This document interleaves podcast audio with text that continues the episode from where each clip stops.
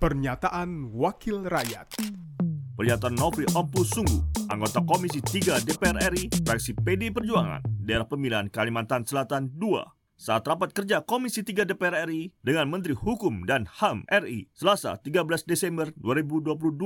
Saya mengapresiasi sikap cepat Kemenkumham yang langsung menindaklanjuti instruksi Presiden terkait masalah keimigrasian dengan memangkas proses pembuatan izin tinggal menjadi dua hari demi kemudahan investasi.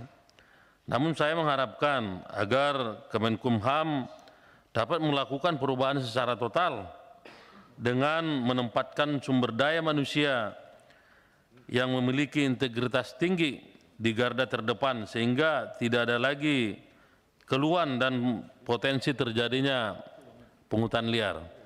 Pernyataan Nofri Ompus Sunggu, anggota Komisi 3 DPR RI, fraksi PD Perjuangan, daerah pemilihan Kalimantan Selatan 2, produksi TV dan radio Parmen, Biro Pemberitaan Parmen, Sekjen DPR RI.